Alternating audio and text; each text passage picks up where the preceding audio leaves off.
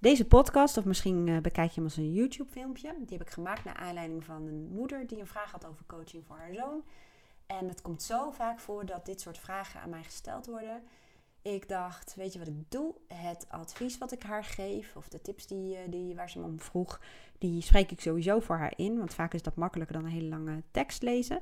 Maar ik ga hem wat algemener maken. Dus ik haal alle persoonlijke dingen eruit. Zodat ook andere mensen die uh, dit vraagstuk misschien hebben, er iets aan hebben. Um, ik heb dus even wat dingen eruit geknipt. Dat zul je horen dat ik meteen boom met de podcast uh, begin. Maar ik hoop dat je er iets aan hebt. En waarschijnlijk zul je wel wat uh, herkennen als je op YouTube uh, dit bekijkt aan het plaatje. Hè, met een, een, beeld van een, een, kind dat aan het gamen is. En nou ja, heel vaak hangt dit vraagstuk om het feit dat de kinderen heel erg aan het gamen zijn. Ik wens je veel plezier met het luisteren van deze audio. En ik wens je ook een hele fijne dag. Even als eerste, en daar ben ik ook gewoon even heel eerlijk in. Uh, coaching slaagt alleen maar als uh, de cliënt gemotiveerd is. En motivatie bestaat uit twee dingen. De eerste is namelijk urgentie of noodzaak. Ik moet ook zeggen dat dat ongeveer wel het meeste voorkomt in mijn praktijk. Dat mensen er helemaal klaar mee zijn. Ze zijn het zat, er is een grens bereikt. En soms lopen ze al jaren met een probleem of problemen. En in één keer ja, er gebeurt er iets waardoor ze denken, ja, nu moet ik hier iets mee doen. Dus urgentie en noodzaak. Um, weet wel dat bij dit punt zit vaak een lage energie. Je ziet ook bijvoorbeeld als mensen uh, niet blij zijn in hun baan, dat ze soms de neiging hebben om te vluchten. En, en heel vaak gebeurt het dat ze dan vluchten in een net even andere baan, andere organisatie, maar wel met dezelfde problemen. Dus over het algemeen um, ja, lost dat voor de korte termijn iets op, maar voor de langere termijn niet. Dan heb je aan de andere kant iets wat um, nog een veel sterkere motivatie uh, veroorzaakt en dat is verlangen. Ik zal ook altijd meteen in de eerste sessie uh, meteen proberen iemand hup naar dat verlangen te krijgen. Nou, ik zeg dat was een simpel hup, want je moet dat verlangen echt gaan voeden. Uh, verlangen, nou ja, je begrijpt het al, uh, daar zit een hogere energie bij en er zit wilskracht en ze zijn gemotiveerd en enthousiast. Ze willen iets heel graag. Wat ik dus ook vaak doe, is uh, met iemand aan de slag om dat verlangen te voeden. Om een beeld te vormen van hoe zou het eruit zien als je probleem opgelost is. Over dat probleem ga ik zo meteen nog even iets zeggen. En um, of als in jouw geval met je zoon hè, is veel aan het uh, gamen. Nou, weet, dat is natuurlijk al iets wat bij deze tijd hoort, wat je heel veel ziet. De pest is dat de kinderen over het algemeen het probleem niet zien dat ze zoveel gamen. Dus die urgentie of de noodzaak, die is er voor de kinderen niet. De enige noodzaak of urgentie die er zou kunnen zijn, vooral bij kinderen die nog thuis wonen, is dat die ouders maar elke keer lopen te zeuren. Maar zelfs dat is niet een, een, een uh, ja, moet ik het zeggen, dat, is, dat, dat wordt over het algemeen niet heel erg ervaren als een probleem. Het is irritant en lastig, maar de drang om te gamen, die is gewoon enorm groot. Want het is, nou ja, ook nog eens uh, een, soort van verslaving. Ik zeg soort, omdat ze, uh, geloof ik, nog steeds niet wetenschappelijk een hoe moet ik het zeggen, um, hebben gezegd dat ze daar echt een diagnose voor kunnen stellen. Ik weet niet of dat inmiddels wel zo is hoor, maar nou, even terug naar um, wat ik al vertelde. Als iemand een coaching aangaat, moet hij wel gemotiveerd zijn. En die motivatie bestaat dus A uit een urgentie of noodzaak of B uit verlangen. Op het moment dat jij dus um, je zoon naar me toestuurt, heb ik één grote missie. En dat is onderzoeken bij hem of hij ergens last van heeft of dat hij een verlangen heeft. Hè? En meestal lukt dat, moet ik wel eerlijk zeggen. En dat zit niet altijd in dezelfde hoek. En daarom ga ik even meteen naar de tweede nou ja, tip. Het is meer een soort inzicht. Ik weet niet of je ooit uh, van de waarde van weerstand hebt gehoord. Dat komt heel erg uit de psychologie en de coaching. Dat elk veranderproces gaat gepaard met weerstand. Ik zal je daar zo wat meer over vertellen. Um, en dit komt uit de interventiekunde. Namelijk, je zult zo meteen in dat plaatje wat ik jou stuur zien... Um, uh, in het plaatje wat ik jou stuur gaan zien dat ik een soort van drempel heb getekend. Is een beetje een rare drempel. Um, maar in die drempel heb ik het woordje weerstand neergezet. En aan de linkerkant van de drempel heb ik opgeschreven het niet-effectieve gedrag. En aan de rechterkant heb ik opgeschreven het effectieve gedrag. Want jouw zoon die weet ergens heus wel dat hij beter uh, minder tijd kan besteden aan het gamen en beter meer tijd kan besteden aan, nou, ik weet het in jullie geval nog even niet, maar in actie ondernemen of zijn zaakjes op orde of misschien, ik weet niet of hij nog uh, in een opleiding zit, uh, nou ja, laat ik het zo zeggen, dat soort dingen. Dus dat is het effectieve gedrag. Daarom, heel veel mensen weten ook wel wat ze moeten doen, maar ze doen het niet. En dat komt omdat in die drempel zit, zit de behoefte. En uh, even een voorbeeld met mensen met overgewicht. Zij, mensen met overgewicht zijn echt niet dom. Ze weten donders goed dat ze uh, gezonder moeten eten en, en soms ook wel minder. En dat ze wat meer moeten bewegen. Ze weten het donders goed, maar toch. Toch zijn er aan de kant van, uh, van de drempel zijn er behoeften die Um, ja, ik zeg dat het is de instant bevrediging, de korte termijn bevrediging. En die zijn vaak veel dwingender dan de resultaten op de langere termijn. Als je ze al ziet, hè, want dat is natuurlijk ook nog wel een gegeven. Maar stel dat iemand met overgewicht die weet, na het werk moet ik gewoon gezond avondeten en uh, groenten en uh, daarna niet meer snaaien. Alleen, die beste vrouw, uh, ik ga even uit van een situatie die ik ken. Die heeft een drukke werkdag achter de rug en een hoop shit gehad.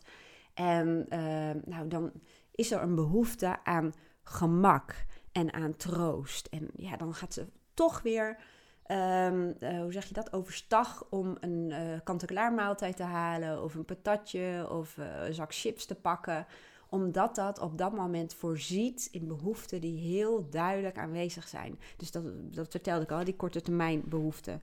In het geval van die vrouw is dat een stukje gemakzucht, een stukje troost, Um, nou ja, ze wil even met rust gelaten worden, weet je wel, dat soort dingen. En het effectieve gedrag wat ze zou in moeten zetten, dat, dat, zit, dat, dat staat te ver weg. Dat is te moeilijk. Dat, dat, de stap is gewoon te groot. Dus vandaar ook die drempel. In het geval bij jouw zoon uh, kan het zijn, je zegt ook zelf, hij wil met rust gelaten worden. En dat is dus een behoefte. Los van het feit dat het een, uh, nou ja, over het algemeen echt wel verslaving is.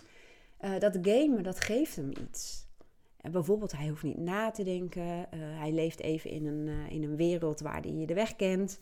Um, misschien een stukje verbondenheid met andere gamers. nou, ik, ja, ik ben zelf geen gamer. Ik, ik kan me er wel iets bij voorstellen, want ik heb het vroeger wel gedaan. Maar het geeft je iets. Iets wat zo dwingend is, dat het... Um, ja, uh, ervoor zorgt dat je daar elke keer voor kiest in plaats van het effectieve gedrag. Ik ga even een tandje dieper.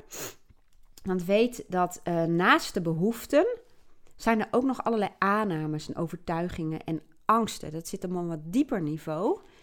Maar in het geval van, uh, nou ja, nou van je zoon, maar ook van iemand met overgewicht, zou het kunnen zijn dat er een overtuiging is: ik blijf toch altijd dik. Of ik kan dit helemaal niet. Of in deze familie zijn we allemaal dik. Dus waarom zou ik wel slank kunnen worden? Of het is voor mij niet weggelegd. Het lukt me toch niet. Dat soort overtuigingen en aannames en angsten zitten op een wat dieper niveau. En die sturen heel erg dat, um, nou ja, dat gedrag, dat niet effectieve gedrag. Uh, ik hoop dat het een beetje helder is. Als het niet zo is, dan uh, laat me dat even weten. Dan geef ik nog wel even wat voorbeelden. Want dit is eigenlijk iets wat ik altijd wel, of nou altijd, 99% van de keren in een coaching wel doe. Um, dus even kort samengevat. Weet dat voor jou als moeder lijkt het zo simpel van... Kom op jongen, ga eens even wat anders doen. Ga eens wat doen met je leven. Of hè, kom uit die, die bubbel. Alleen hij heeft er waarschijnlijk geen last van. Het geeft hem wat. Het, het voorziet in een aantal behoeften die er elke dag blijkbaar zijn. Hij heeft nog niet dat beeld of een verlangen hoe het zou zijn als hij minder zou gamen. En misschien heeft hij wel werkelijk geen idee wat hij dan gaat doen. Of heeft hij wel een idee dat hij, wat hij gaat doen, maar dat hij daar nut niet van inziet. Of dat hij daar geen zin in heeft. Of dat is te moeilijk. Of blah. Weet je wel, dat. En um, nou ja, dus je gaat naar de huisarts, uh, vertel je. Dat is altijd een goed startpunt. En, uh, en die hebben echt wel ervaring met dit soort uh, dingen. En kunnen je eventueel ook doorverwijzen nou ja, en mocht hij wel um, openstaan voor coaching, want coaching is over het algemeen echt wel heel erg praktisch. Tenminste, mijn coaching is heel erg praktisch. En ik geef vooral heel veel handvatten in de uh, voor in de praktijk. het is vooral doen. En het is uh, vragen stellen, uitdagen. Het is niet graven in het verleden en uh, praten. Want inderdaad, daar zijn vooral jongeren vaak heel erg allergisch voor. Daar hebben ze helemaal geen zin in om te praten met iemand.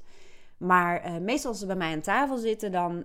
nou, ik begin gewoon gelijk en ik neem ze serieus. En ik ga samen met ze onderzoeken waarvoor zij willen gaan lopen. Hè? Dus wat hun drijfveren zijn en, en waar ze last van hebben en waar het verlangen dan zit. En dan zie ik ook meestal gewoon ook in de houding al wel van... Hmm, het is eigenlijk best wel leuk, dat had ik niet verwacht. Nou, dat moet je hebben. Als, als dat lukt, dan heb je al uh, ehm, 90% gewonnen. Nou, ik hoop dat ik een beetje antwoord op je vraag uh, heb gegeven. En wat uh, nou ja, tips. Hè. Die, die waarde van weerstand is meer, uh, is meer inzicht. En eh, de tip die zit in um, weten dat, dat, dat motivatie bestaat uit twee dingen: urgentie, noodzaak of verlangen. De tip die ik daarover over wil geven, en nou weet je, dan voeg ik nog even een tip toe, toe is dat ouders hebben vaak de neiging om in de reddersrol te gaan zitten. Als je googelt op drama driehoek, dan, nou, dan vind je daar wel weer informatie over. Um, wij hebben de neiging, omdat wij allerlei dingen zien en we zijn ervaren en we zijn met ouder, we hebben de dingen meegemaakt, je hebt het beste voor je kind voor. En je hebt vaak oplossingen in je hoofd en je weet waar je naartoe wil, om het over te gaan nemen of om advies te gaan geven of ook continu te vertellen wat ze beter zouden moeten doen. En continu uh, kinderen wijzen op, oh dit is nog niet, of je huis is nog niet goed opgeruimd. Oh je zult je veel beter voelen als je huis lekker opgeruimd is. En uh, mijn dochter zal vast wel denken, fuck you mam. Dat weet ik heus wel. En uh, dus ja, mijn dochter is 23, dus ik weet echt wel hoe dit voelt. Ik ben jaren geleden op een gegeven moment uh, hiermee in aanraking gekomen met die drama-driehoek. En ik ben dat gaan doorbreken door in de mentorrol te gaan zitten. En dat zou ik je ook willen adviseren. En in de mentorrol stappen betekent dat je van, um, uh, ja, ik weet niet of je die driehoek inmiddels op internet hebt gevonden. Maar dat je van uh, het slachtoffer, hè, want dat is dan de interactie die tussen jullie is. Als je aan het redden bent, dan maak je van de andere slachtoffer. En die gaat zich wat passiever opstellen. Of ja, passief, of die, nou ja, die vinden het allemaal wel best. Um, als je daaruit stapt, in de mentorrol gaat zitten, dan wordt het slachtoffer een leerling. Je dwingt diegene eigenlijk om zelf tot oplossingen te komen, zelf na te gaan denken. En dat wil niet iedereen meteen. Een voorbeeld daarvan is dat ik mijn dochter bijvoorbeeld vragen ging stellen van... Goh, je belt mij, uh, want je bent in paniek. Wanneer was je voor het laatst in paniek? En wat heb je toen gedaan om dit op te lossen? En dan gaat ze denken, oh ja, ja. En of ik zeg, hoe lang heeft dat toen geduurd? Ja, nee, dat was eigenlijk met een half uurtje was het eigenlijk wel opgelost. Oké. Dan ben je eigenlijk al in de mentorrol aan het zitten. En in het geval van je zoon, ik ken het verhaal natuurlijk niet, want je typt iets van zes zinnen, dus daar moet ik even een beeld uh, bij vormen. Maar, um, nou ja, uh, je kunt je zo'n vragen gaan stellen en geïnteresseerd en belangstellend zijn um, over ja, wat hij wil in zijn leven, wat belangrijk voor hem is en waar hij blij van wordt.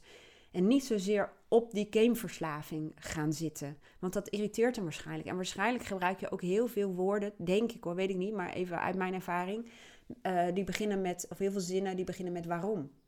Als je dan open vragen stelt, dan begint um, vaak een ouder in woorden als waarom. En weet dat het woordje waarom is een, um, ja, een verantwoordingsvraag. Het lokt ook vaak een defensief antwoord uit als jij zegt van nou, ik wil me daar wat meer in verdiepen en uh, ik wil wat van die open vragen hebben om een beetje mee te experimenteren, laat dat dan even weten. Dan, dan zet ik ze even in een A4'tje.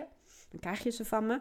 Maar mijn, eigenlijk mijn grootste tip is ook om, die, uh, om te onderzoeken of er bij hem een last is, hè, of een urgentie, of dat er een verlangen is. Ik denk beter dat je in kunt zetten op dat laatste. Uh, door vragen te gaan stellen. En echt vanuit nieuwsgierigheid. Probeer je, je, je belang, voor zover dat lukt, uit te zetten. Of verschuif je belang naar dat je echt graag wilt ontdekken wie is je zoon, wat drijft en wat gaat er in zijn hoofd om. Want we denken onze kinderen goed te kennen, maar ik denk dat het, ja, dat het maar voor een deel waar is. Ze hebben ook een eigen wereld waar je totaal geen weet van hebt. En daarom is het vaak ook zo moeilijk om ze te bereiken. Nou, het is een heel verhaal geworden. Uh, ik hoop ook dat ik het door de mail heen kan, uh, kan pompen. Dus verzin ik wel even iets. Um, ik maak nog even een foto dan van uh, mijn aantekeningen. En ik wens je in elk geval volgende week succes bij de huisarts. En het komt absoluut goed met je zoon. En alleen, ja, je moet een manier vinden om hem te activeren of om hem in die leerlingrol te zetten, zodat hij zelf verantwoordelijkheid gaat nemen voor zijn leven. Want het lijkt erop, en dat zeg ik ook even op basis van de ervaringen die ik heb en van mezelf als moeder, dat, je, dat jullie als ouders of jij als moeder de verantwoordelijkheid naar je toe aan het trekken bent. En ja, helaas pindakaas, dat werkt als, je, als ze klein zijn, dat zeg je zelf ook wel, maar niet meer als ze al volwassen zijn. Nou, ik uh, kan alleen maar zeggen nog een hele fijne dag en wie weet uh, zien of horen we elkaar een keer.